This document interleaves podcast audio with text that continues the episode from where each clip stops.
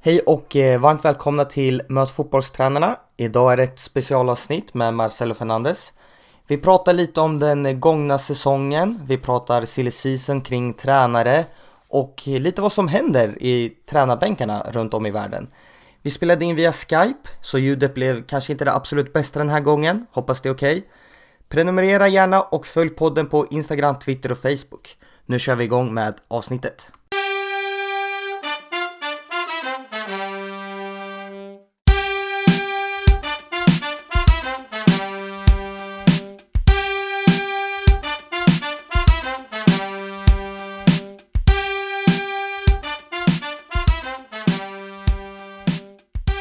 Hej och eh, varmt välkomna till eh, dagens avsnitt av Möt fotbollstränarna. Och idag är det ett litet specialavsnitt. Det är ingen vanlig intervjupodd idag utan med mig har jag Marcelo Fernandes. Välkommen!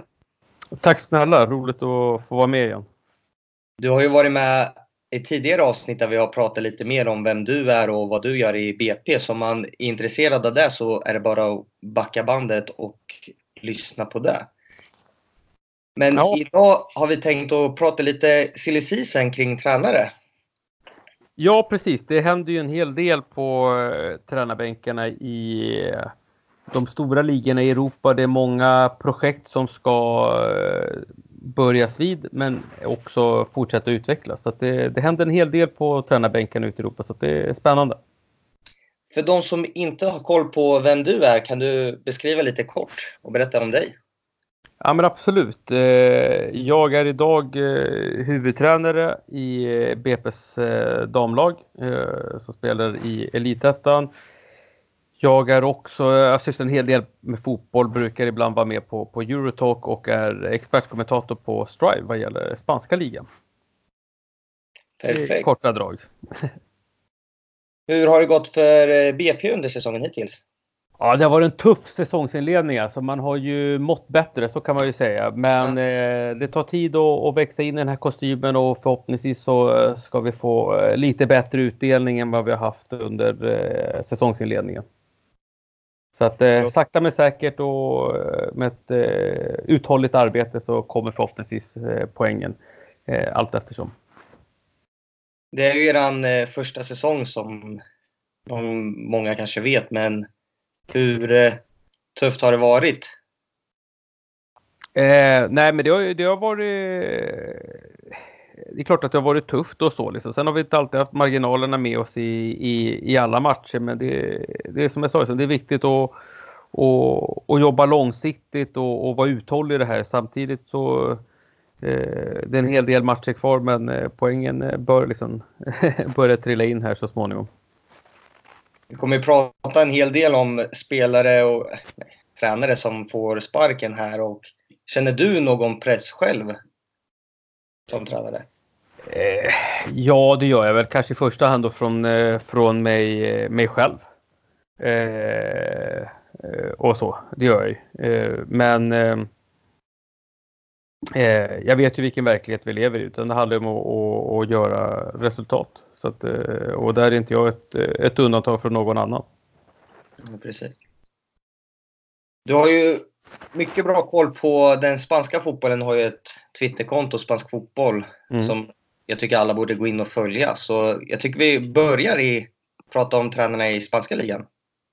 Ja, precis. Eh, nej, men spännande. Det händer ju som sagt en hel eh, en hel del i Spanien. Det var ju, eh, om vi börjar liksom så här, eller uppifrån och uppifrån, men, men eh, eh, Real Betis eh, avskedade ju eh, Kiki Setien. Eh, som, som hade liksom en, en jobbig andra säsong samtidigt som de visserligen kombinerade Europa League-spel med liga men kom till slut på en tionde placering. Eh, när han fick gå så gick man då in i, i tanken att ja, men vilken riktning ska klubben fortsätta? För när man anställde Kiki Setien så var det att man ville spela ett mer bollinnehavs eh, fotboll med, eh, med ett kontrollerat passningsspel och liksom mycket folk. Men man har haft svårt liksom, att sätta bollinnehavet i mål. Eh, och då tänkte man, ska de gå in i en ny sportslig inriktning med Lorenzo Serra som är eh, sportchefen då och eh, eh, man väljer egentligen samma väg. Eh, man tar in en liknande, en tränare med liknande filosofi i Rubi.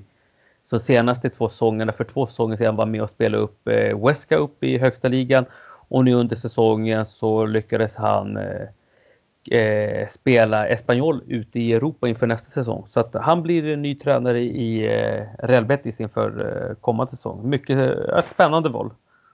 Vad hände med Kiki Setien då? Han har ju ändå fått ganska mycket beröm för sitt fina spel och det är ju alltid roligt att kolla på Betis.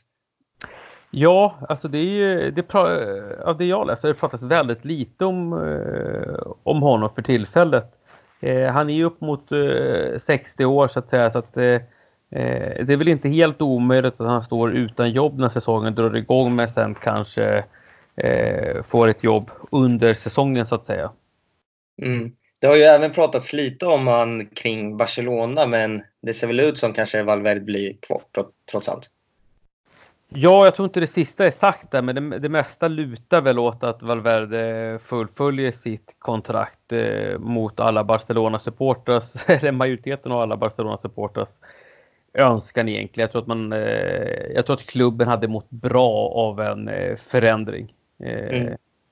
Eh, en förändring på, på bänken. Liksom att, att åka ur Champions League eh, en gång så som de gjorde i fjol mot Roma Eh, visst, det kan hända. Att göra det två år på raken på ett liknande sätt, eh, då är det ju inte en tillfällighet längre, utan då är det ju ett, eh, ett mönster.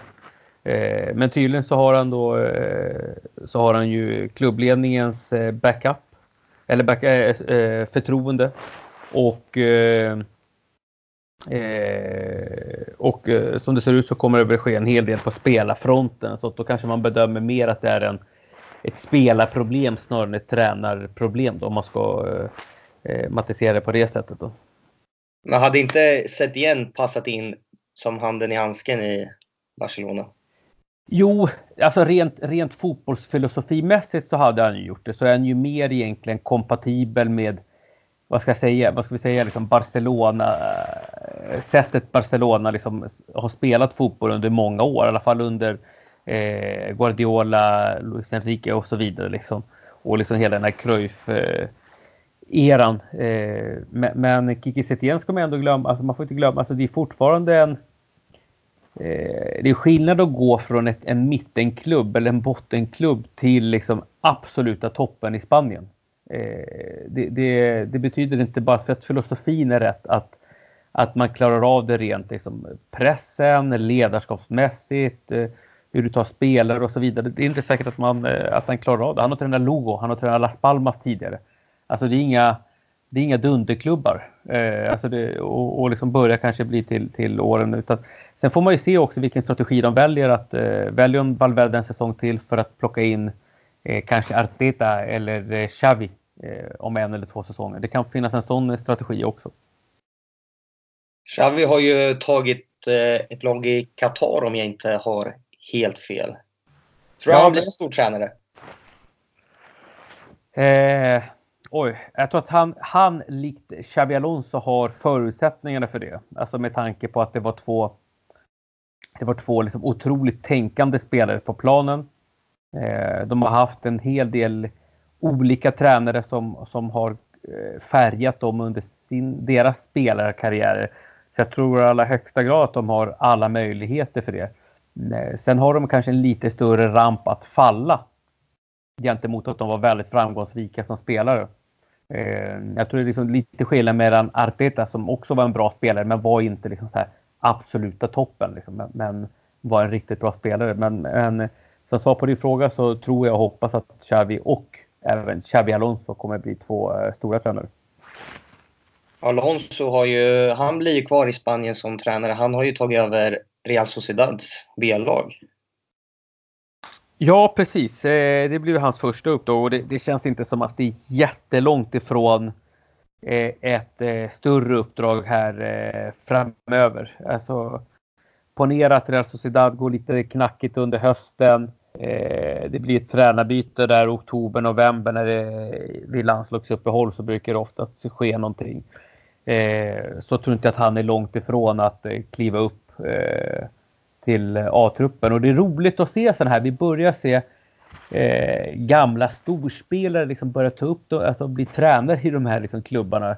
Eh, alltså jag tänker Frank Lampard, jag tänker John Terry bland annat, Steven Gerrard eh, och så vidare. Vi ser ju även i Italien Montella, Gattuso, Mikhailovic och så vidare. Så det, det är många gamla spelare, inom citationstecken storspelare, är kanske svårt att benämna alla som storspelare, men, men spelare som börjar eh, inta tränarbänkarna. Om vi hoppar över till den andra stora klubben i Spanien, eh, Real Madrid, så hade ju de en rätt så stökig säsong där de började med Lopetegi och bytte sen till Solari och sedan gjorde Zidane alla Real Madrid-fans nöjda och gjorde en återkomst. Vad, tro, mm. vad hände med Real? Eh, nej, men alltså det, det blir ju en eh, rekonstruktion liksom, i båda Madridklubbarna skulle jag vilja säga. Det är båda stora Madridklubbarna, eh, även i Atletico Madrid, men det kanske vi kommer in på lite senare. Men, men i Real Madrid så handlar det mer om att eh, de vann ju tre, som du vet, som, som alla vet, att de vann tre Champions League på raken och eh, de fick inte den eh, omsättning på spelare som, som kanske sedan önskade eh, i första läget och kanske en av anledningarna till att han eh, lämnade. Och eh, nu har han väl blivit lovad både pengar och eh, rotation i spelartruppen, vilket jag tror är helt eh, nödvändigt för att kunna ta ytterligare kliv och, och fortsätta vara den här dominanten i, i Europa, men också att eh, kunna steppa upp i, i den inhemska ligan. Hur ser du på Zidane och hans tränargärning? Vilken typ av tränare ser du honom som? Eh, helt klart en tränare som eh, prioriterar att vinna matcherna för att sätta en eh, filosofi, om jag uttrycker mig så. Då. Eh, liksom att, eh, det, det, är min take på honom. Jag bedömer inte att han är liksom till spetsen en filosofisk tränare, att jag ska hålla fast vid min liksom spelidé ute i, ut i liksom, eh, i slutändan. Liksom. Alltså, utan det, det, det är min take liksom att är det matcher där han behöver liksom försvara lågt och, och liksom använda sig mer av kontringar så gör han det. Han vill vinna fotbollsmatcher. Liksom. Han är, eh, kan vara cynisk på det sättet. Sen har han ju givetvis bra spelare som gör att han kan liksom vinna bollinnehavet och kan vinna liksom matcherna på det sättet. Eh, men eh, helt klart en, en, en, vinnare och vinner man Champions League tre gånger så tycker jag att det är svårt liksom, att sätta något form av liksom, så här, ja, ifrågasätta hans tränargärning. Alltså det, det är ju det, det, det känns inte som att det är på sin plats. Tror du det är ett dumt val att gå tillbaks till Real eftersom man, precis som du säger, har vunnit tre raka Champions League? Det kan ju inte, kan de göra det igen eller kommer det bara bli ett magplask? Nej, men alltså det beror på lite vad som, vad som är sagt där, men, men någonstans så eh, man kan se det ur båda perspektiven att det är klart att han har något att förlora och sen samtidigt han har ingenting att förlora. Han är ju redan en, en vinnare på det sättet. Men eh, det kan man också se som, ja men vad är förväntningsbilden att han återigen ska vinna Champions League två, tre år på raken? Eller är förväntansbilden att man ska bli mer konkurrenskraftiga i den inhemska ligan?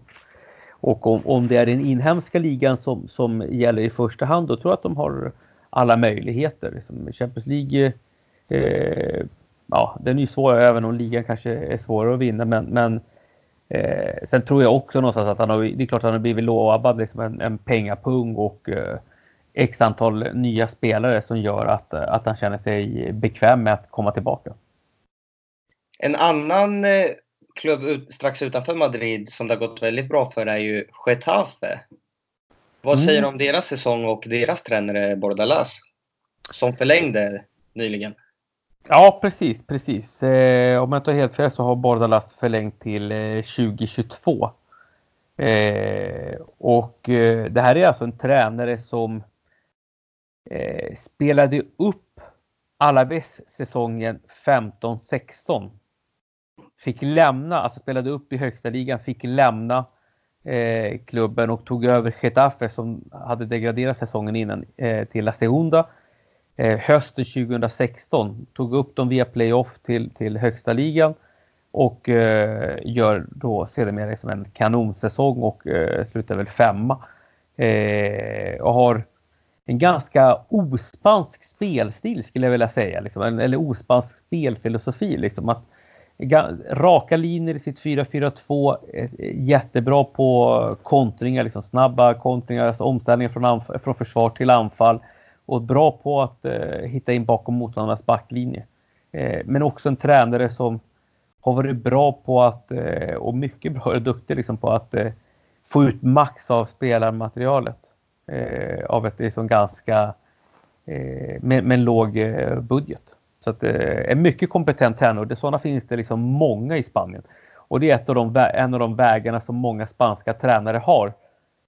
Från att gå, och även i resten av världen, från att gå liksom från division 2, 3 upp till högsta divisionen, det är faktiskt genom att spela upp laget. Och, och det har ju han eh, gjort då, egentligen vid två gånger om. Men, men eh, ja, eh, en mycket kompetent eh, tränare.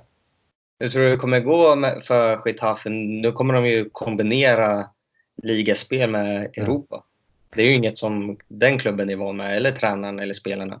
Nej, de har väl gjort det en eller två gånger tidigare, om det var med Bernt Schustel och uh, Mikael Laudrup när de var ute i, i, Europa här för x antal säsonger sedan. Så att, eh, men det är klart att den vanan inte finns inne och vi vet ju också, alltså av erfarenhet om man tittar tillbaka i tiden så är det många klubbar av den mindre karaktären i Spanien. Eh, och då tänker jag liksom Villarreal, Celta Vigo, Real Betis.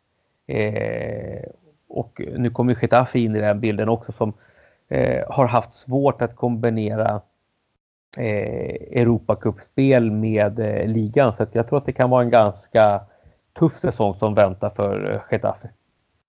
Eh, det tror jag. Alaves så nämnde du att Bordalas hade jobbat för och mm. eh, Abelardo som tränar om den här säsongen och för dem till en elfte plats lämnar ju. Och det kanske Gudetti är nöjd med i alla fall.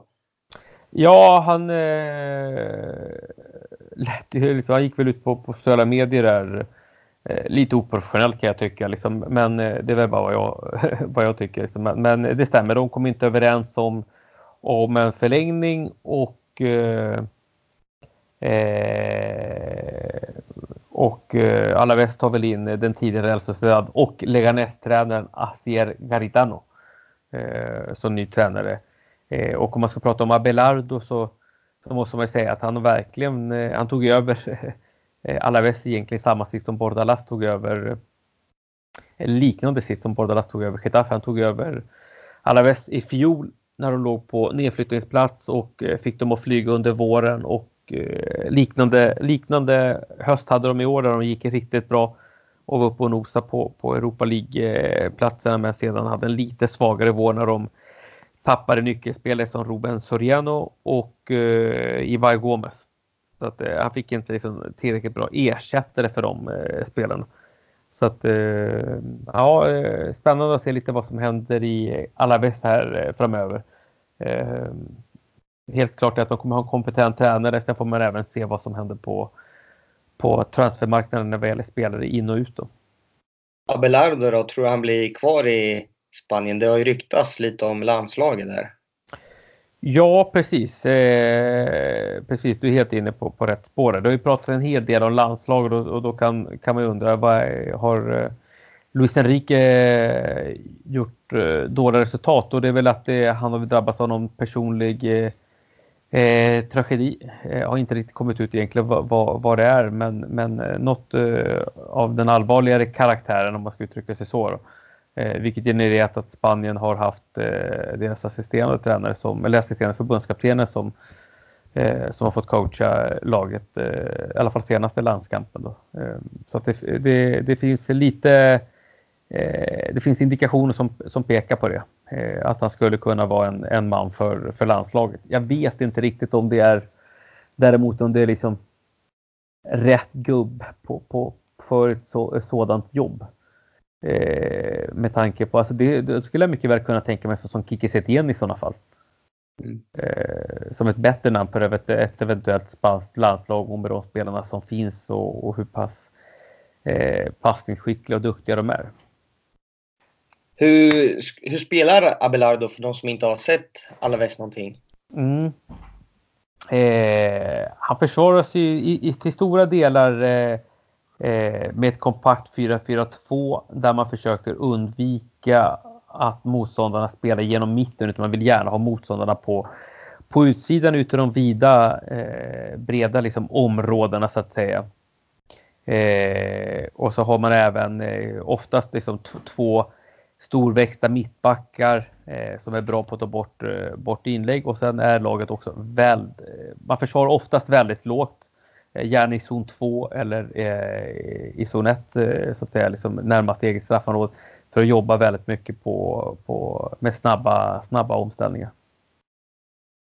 Det känns ju som att Setien hade passat mycket bättre i spanska landslaget. Det hade varit väldigt intressant att se honom där. Ja, men det tycker jag just med, med sin eh, erfarenhet. Men, men återigen, liksom, det, han är ju inte dunderprövad. Men, men eh, ja, jag tror någonstans att det hade liksom, med den filosofin, det hade nog varit, hade inte varit dumt alls. Det tror jag inte. En annan som har en ganska så spännande filosofi men som inte riktigt fick ut den i Real Madrid, det var ju Lopetegi som har gått till Sevilla nu. Ja, eh, det var snack om väldigt många, många namn eh, när Monchi nu klev in första april tror jag var, om det var första maj som, eh, som sportchef igen då i Sevilla. Eh, och jag blev eh, är riktigt eh, glad egentligen att eh, Lopetegi faktiskt får en eh, förhoppningsvis en ärlig chans eh, vill jag säga liksom på, på spansk mark i, igen. Eh, Han tycker ju lite synd om honom som först bränner spanska landslaget dagen innan VM börjar och sen får sparken från Real Madrid. Ja, onekligen ett, ett, ett tufft år för den gamla målvakten Julian Lopetegui. Men förhoppningsvis så, som jag sa innan, så, så kan han få ett bra material. Det kommer med stor sannolikhet även bli så stor spelomsättning i Sevilla som Monchi är inte liksom blyg med, med in och ut eh, spelare så att säga. Eh, men eh, eh, jäkligt spännande värvning måste jag säga. Och få se om man lyckas implementera Monchi. Gav ju, gav ju Lopetegui ett treårskontrakt och det är en ju väldigt det brukar vara väldigt sällsynt i, i Sevilla att Monchi gör det. Det är oftast eh, San Paoli fick två år, eh, tränarna efter också fått ett så tvåårskontrakt som man har förlängt. Eh, men eh, eh, Unai Emery hade ju också väldigt liksom, korta eh, kontraktstider och sen förlängde man ju hela tiden givetvis. Men eh, eh, ja, mycket. Jag tror att vi kan få se en hel del i, i possessionspel i, i Sevilla nästa säsong. I båda klubbarna ska tilläggas. Tycker du Lopetegi fick oförtjänt mycket kritik i Real Madrid? Jag har för mig att jag läste någon artikel där det stod att om man sett till expected goals och sådär så hade mm. de faktiskt ledigt ligan när han fick sparken. Var det att de inte satte sina chanser även fast de spelade bra fotboll liksom? Nej, men jag tycker alltså, så, så om, man ska, om man ska summera, man kan, alltså, det är en del liksom Real Madrids säsong givetvis. Men eh, jag tycker liksom, så som säsongen eh, tog sig för Real Madrid, att, man, eh, att det hade tre tränare, så tycker jag liksom, det var ganska tydligt att det inte var ett tränarproblem utan att det var ett spelarproblem. Eh, man fick inte in till det och då, då menar jag inte bara att Ronaldo lämnade men de spelarna som var kvar som man liksom trodde skulle steppa upp, Asensio, Isco så, så att säga. Eh, kom ju inte upp i standard. Man fick inte in tillräckligt med eh, nytt blod på spelare som faktiskt kunde konkurrera. Liksom. Ja visst, man fick in i Mariano. Men eh, han var inte, han är inte i närheten egentligen att kunna konkurrera med, med Benzema utan man hade fått, fått in liksom en eller två spelare som, som eh, hade kunnat fått liv i de här eh, lite mer äldre och erfarna som hade vunnit allting. Eh, så jag tror det är mer liksom ett, ett, ett spelarproblem snarare. Eh, och eh, lite som du är inne på, Real Madrid spelade ju stundtals riktigt bra. Liksom, men man, hade inte, liksom, man fick inte utdelning på de målchanserna som eh, laget skapade och det kändes någonstans som att Lopetegis filosofi var mer liksom applicerbar i Katalonien. Och eh, Barcelonas tränare Valverde liksom, och hans filosofi kanske var mer liksom Real Madrid-kompatibel. Det, var, det är bara min så här, ja, take på det hela. Har vi missat någonting som har hänt nu i Spanien tycker du? Kanske prata eh. lite om Marcelinho. Vad, blir han kvar i Valencia tror du? Nu förde han ju dem, vann Copa del Rey och till semifinal i Europa League trots en väldigt tuff höst. Mm.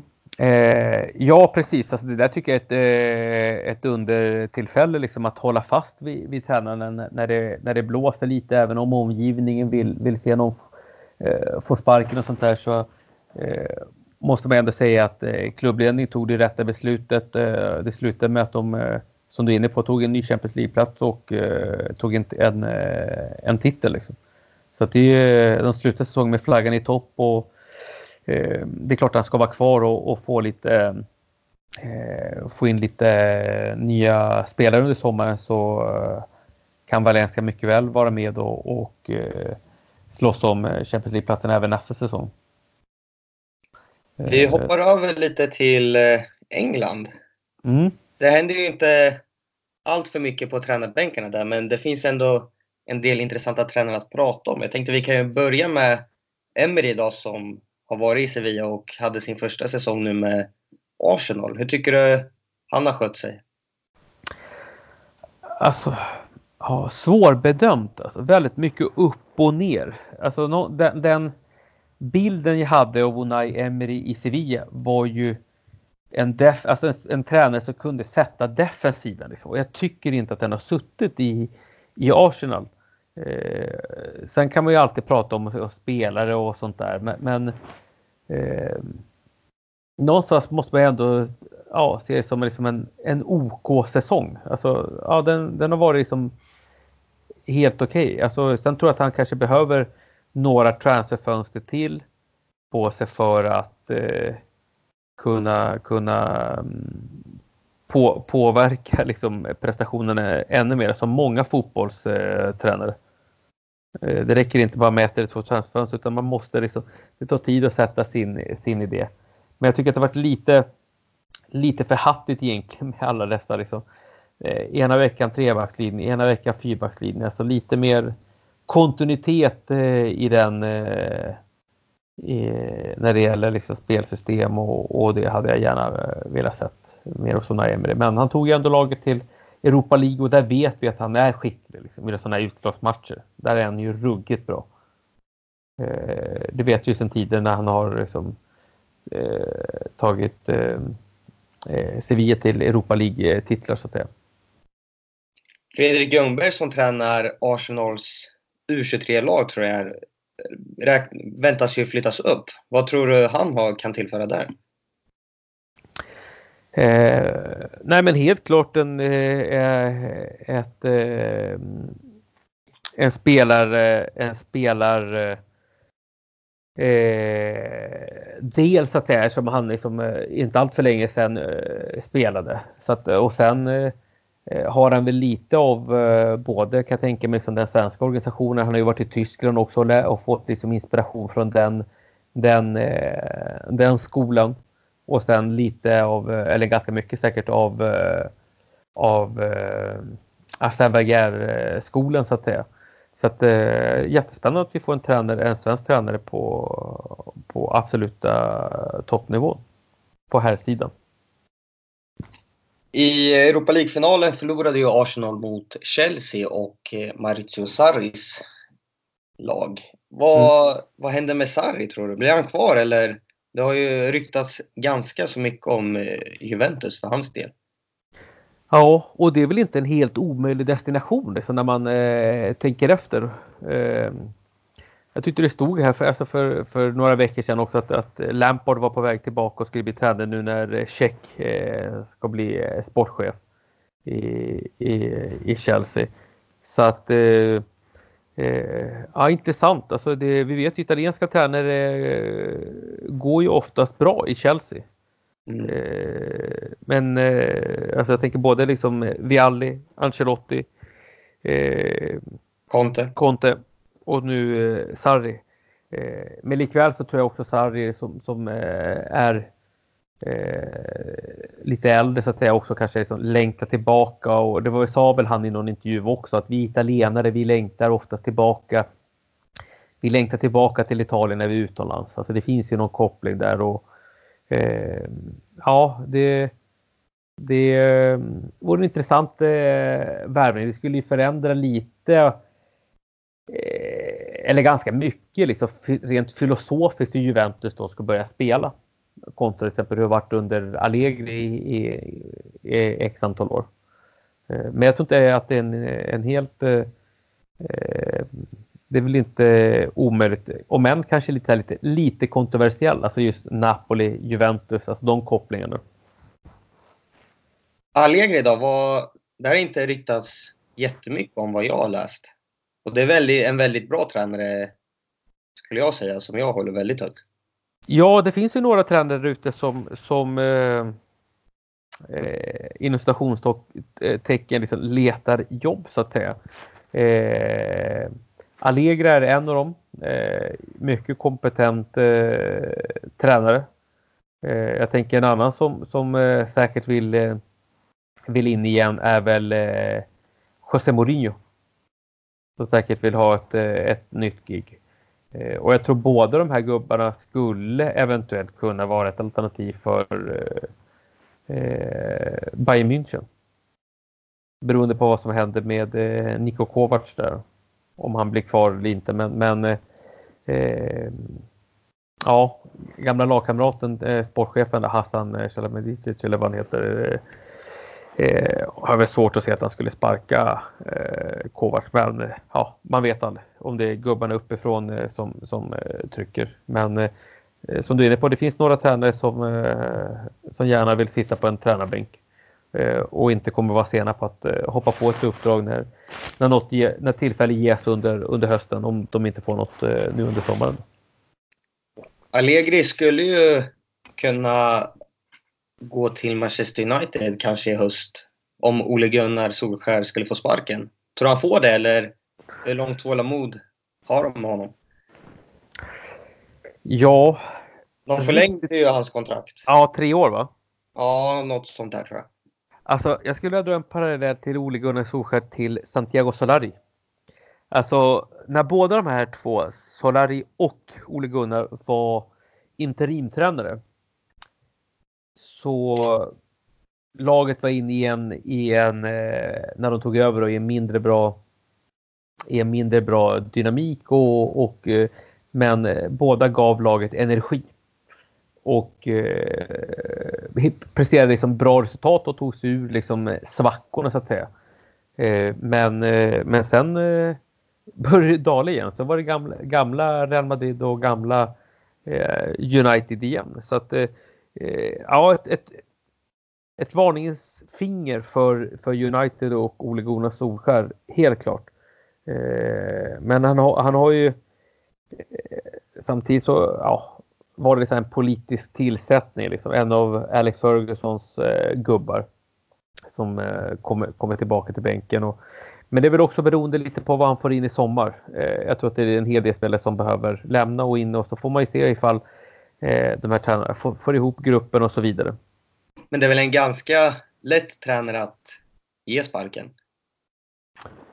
Ja, du, du tänker med namnmässigt. Ja, namnmässigt, skandinav för den delen. Eh, ja, det, det, är väl, eh, det är väl eh, herregud, kunde Liverpool eh, sparka Kenny Daglish eh, så kan nog eh, United sparka Ole Gunnar, Ole Gunnar Solskär, även om det kanske kommer ta emot. Men Allegri är väl, precis som du sa, ett, ett sådant namn.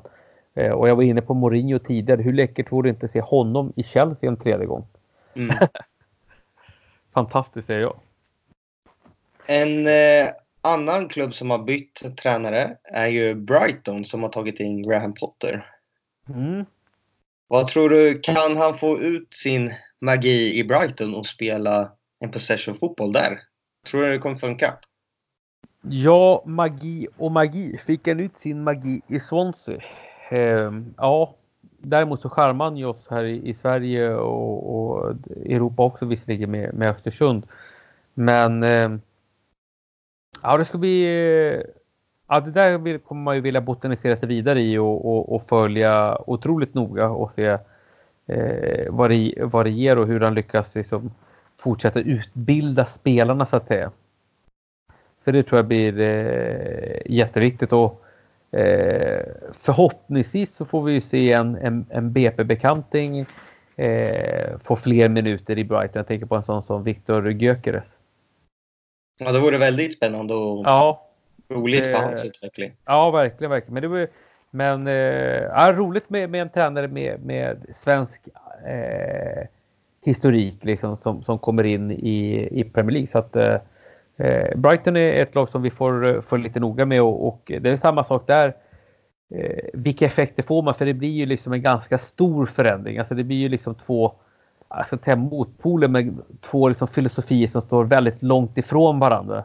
Eh, med Chris Hewton som gärna satsade på fast situationer, lite mer storväxta spelare, ett rakare spel för att hålla sig kvar. Gör ett bra resultat liksom sett till, eh, till eh, förutsättningar med, med pengar och så vidare. Och så plockar man in nu en, en tränare med en helt annan filosofi där matchen ska kontrolleras eh, med bollinnehav snarare än liksom att täcka av ytor i försvarsspelet utan det, det är bollen och man ska liksom eh, penetrera motståndaren, man ska ta yta för yta. Eh, kan bli bra, kan också bli mindre bra. Så det, det är avskilt lite på, på, på sommarens transferfönster vilka spelare som kommer in och ut men också eh, hur han lyckas implementera sina idéer och hur snabbt. Det lär ju bli spännande att se om de har tålamodet också. För det kanske tar ett tag för laget att få till hans spel och idéer. Ja, absolut. Eh, jag tycker du är inne på helt rätt spår där med just eh, tålamodet. Vad händer där? Hur mycket kommer... Eh, hur stort tålamod har klubben när det börjar, om det börjar gå ett namn som är enklare att avskeda så att säga och sen och sen under november plocka in en sån som Sam Allardyce som ska rädda kvar laget. Ja, en klassiker i England. Ja, en klassiker, en klassiker i England. Liksom. Eh, så att, ehm, mm. Eh, ja, vi får se. Vi får se helt enkelt.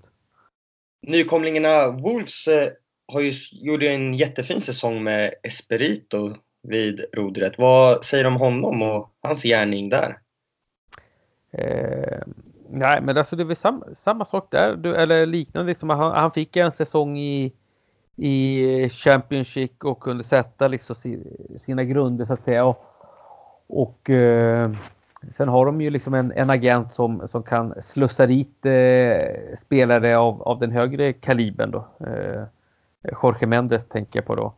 Eh, så att eh, det finns många, många duktiga portugisiska tränare eh, där ute som, som har eh, inspirerats och, och, av eh, José Mourinho och Nuno gjorde ju även helt okej okay resultat i Valencia för, för några år sedan. Helt okej okay, liksom. men, men eh, Valencia var då kanske lite eh, ja, en infekterad klubb så att säga så att eh, de mår betydligt bättre nu än vad de gjorde när Nuno var där. Tror du de kommer kunna lyckas ta ett steg till och utmana om Europaplatserna den här säsongen?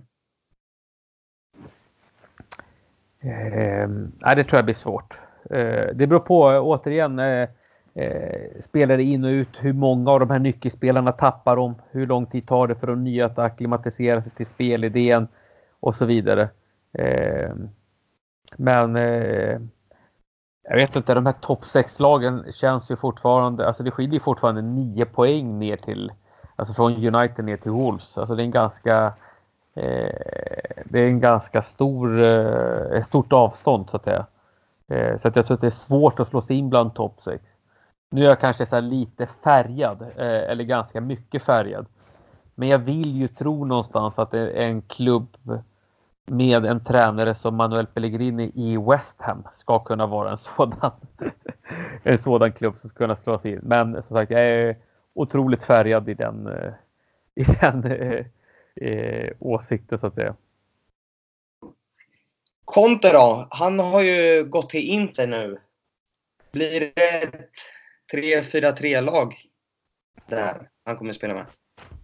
Ja, alltså trebackslinje väl, eh, kommer han väl lira med i allra högsta grad och då har han ju De Frey och eh, Skriniar och nu även eh, Godin. Så det är ingen ingen dålig eh, trebackslinje. Han har Asamoah på ena kanten, Ambrosio kanske på andra kanten. Som kan springa upp och ner. Eh, jag tror att det var absolut nödvändigt att, att det inte gick till eh, Champions League, även om de höll på att eh, sumpa det i sista matchen mot eh, Empoli som stundtals eh, eh, var riktigt, riktigt bra i den matchen. Eh, men eh, ja, alltså både ett eh, 3-4-3 som du säger. Jag tror också att de kan komma att spela ett 3-5-2 som han gjorde med italienska landslaget. Eh, när han hade två centrala toppar. Men om det är något vi vet av Contes lag det är att 1. defensivt solida, 2. bra på kontringar, 3. de löper som bara den. Tror du Conte och Icardi kommer kunna komma överens bra tillsammans? Eh, jag tror att Icardi kommer lämna Inter. Jag tror att eh, PSG kanske är hans eh, kommande destination eller, eller en annan eh, förening. Eh, ja. Eh, men, men eh, jag ser kanske inte riktigt Icardi som en eh, kontespelare, men jag kan, jag kan ha fel. Eh, jag kan ha fel. Eh, men, men jag tror att det bästa och det mesta pekar väl på att Icardi lämnar. Alltså det, det känns som att det är de är inne liksom i sluttampen av en eh, skilsmässoprocess, eh, klubben och spelaren emellan. Atalanta fick ju en väldigt fin säsong precis som Getafe och de har ju Gasperini som tränare och där sa ju mm. presidenten att han kommer bli kvar. Mm. Hur, hur högt håller du Gasperini? Jag vet inte om det var du som skrev på Twitter eller om det var någon annan som ville jämföra Bordalas och Gasperinis säsonger med varandra. Ja, men det var jag. eh, nej, men det, det, är klart att han har gjort en... Eh, vi kan, jag kan svara på den där sen, eh, jämförelsen däremellan. Men eh, det är klart att han har gjort en, en dundersäsong. Alltså med, med, med det laget. Och det viktigaste av allt är ju liksom så här på något sätt, vi får inte glömma liksom, sportcheferiet i det hela, men också att att eh, när klubbarna tar in spelare så är det liksom inte football manager. Det är inte bara liksom, ja men det här är en bra spelare, honom eller henne ska vi ha i vårt lag. Utan det handlar om att eh, vad är det för liksom, ja men vi vill spela så här, det här är vår spelidé. Bam! Den här, de här karaktärerna, egenskaperna behövs för den här positionen.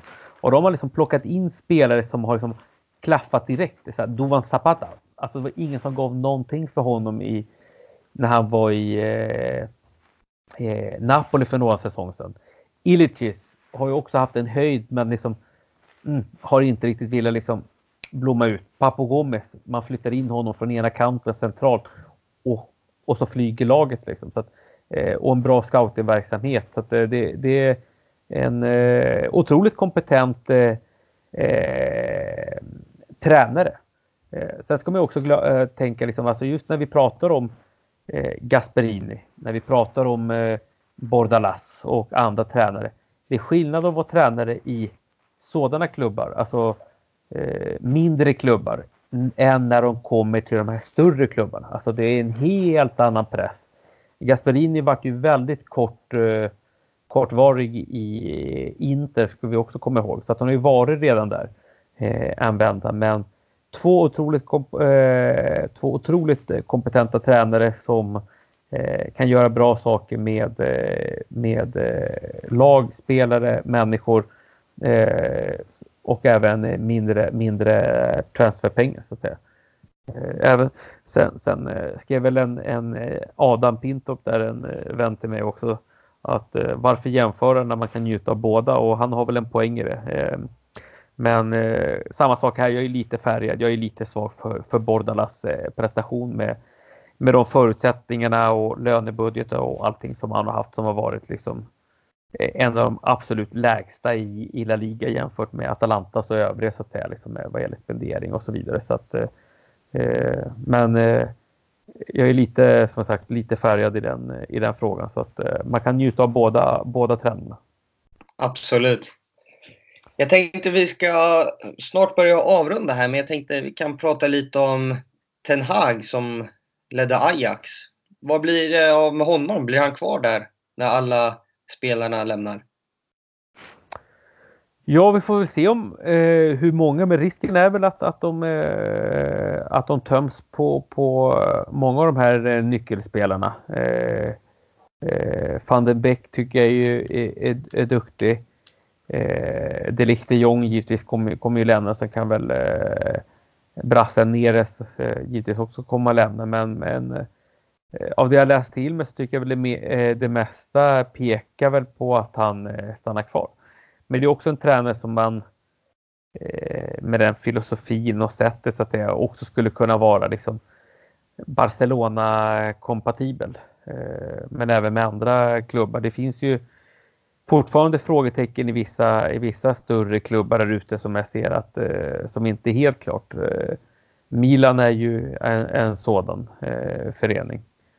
Eh, United, eh, ja, det, även om de har hon, eh, Ole Gunnar så finns det också ett, ett visst eh, frågetecken. Men eh, ja, så svar på din fråga, det mesta pekar väl på att han på att Den Hag blir, blir kvar och får vi se liksom en Ajax 2.0 av, av hans Ajax att säga, och se vilken nivå de kommer hålla.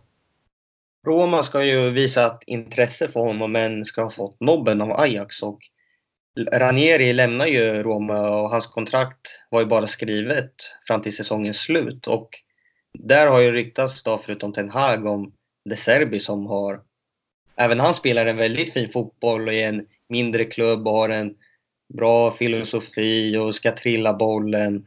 Tror han hade passat in i en stor klubb då? Precis som vi pratade om lite tidigare, att det kan vara svårt att ta det här steget. Mm. Ja.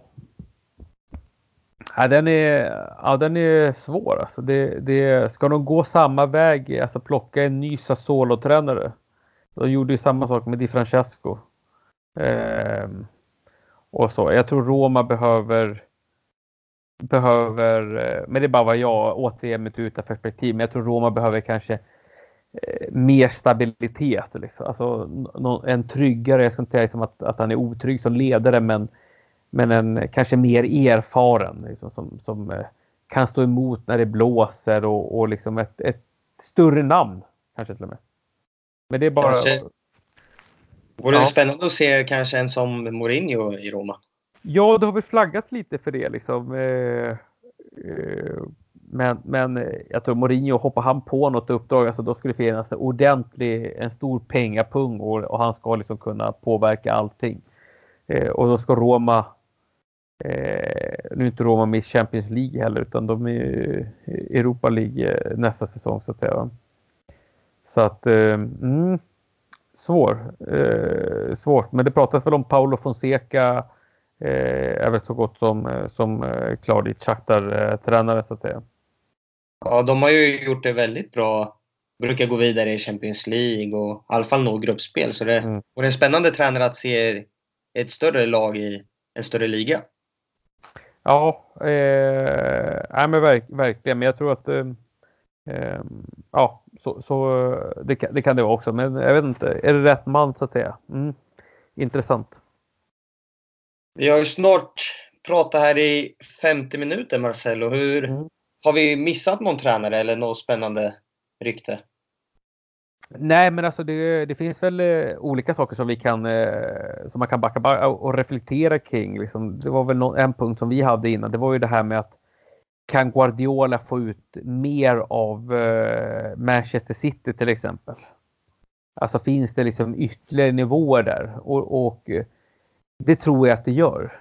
Eh, men det är ju inte bara liksom tränarberoende utan det handlar mycket om, i det här läget tror jag, liksom om in och ut på spelarfronten. Kompani försvinner. Eh, jag tror att de behöver eh, kanske uppgradera någon position på ett centralt in i få in en eller två pjäser till där.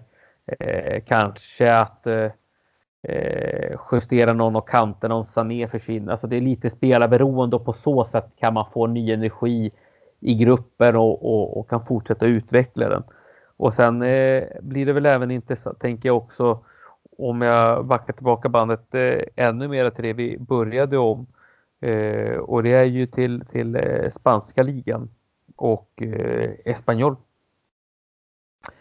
Som eh, tar in en, en ny tränare när Robe försvinner eh, i Gallego som eh, är eh, eh som var eh, ungdomstränare i i eh, Real Betis tidigare. Men um, han blir i alla fall den nya tränaren, David Gallego, nya tränare för de kommande två säsongerna i Espanyol. Så att det, det Eh, det är en eh, ja, tränare som, som eh, har sin inspiration i Juan Malillo och om det är någon som inte vet vem det är så Juan Malillo är en, en, eh, tidigare, eller en spansk tränare som, som influerat väldigt många tränare, bland annat Guardiola är en av dem. Och ja, så att vi får se lite vilken riktning även Espanyol tar nästa säsong. Det blir spännande att se och det vi kan konstatera är ju att tränarna har det inte lätt där ute. Nej, alltså det är ju inte en eh, supertrygg eh, arbetsmiljö om man ska ut om man ska liksom prata eh, i sådana termer. Men eh, eh, det är väl därför de har så pass eh, höga löner också så att säga. Så att eh, det, det, är ju ett eh, påfrestande arbete, ett 24 timmars jobb. Ehm, det kan väl jag också känna i, i vissa sammanhang att man, även om jag har en jobb vid av och, och massa andra grejer så, så är det belast, hög, hög belastning på att vara fotbollstränare utan man hjärnan är igång eh, 24 timmar om dygnet oftast och eh, under många, många månader. Eh, när säsongen är slut då är det spelare in och ut och det är sådana såna delar också så att säga. Så att, ehm, men det är klart, pressen som de här herrarna och även damerna i, i vissa sammanhang lever i är, är eh, inte lätt. Eh, de är inte mer än, än människor de heller. Stort tack Marcello att du tog dig tid idag. Ja, tack själv. Roligt att, att få vara med och ha en eh, genomgång av eh, tränarbänkarna i, eh, i Europa och se lite vad som, eh, vad som händer här eh, framgent. Var tittar man dig på sociala medier? På sociala medier så hittar man mig under Marcello FF på Twitter eller eh, även under eh, spansk eh, fotboll, även det på, på Twitter. Eh, sen kan man säkert eh, leta upp mig på Facebook och Instagram där också så att säga. Men det, det är på Twitter eh, som jag är oftast. Lycka till med BP nu under resten av säsongen och hoppas att hösten går lite bättre än våren. Ja, tack snälla, tack snälla och eh, detsamma till dig. Kör hårt eh, i, i Rynninge. Tack så mycket Marcello. Ha ja. det bra. Detsamma. Ha det gott.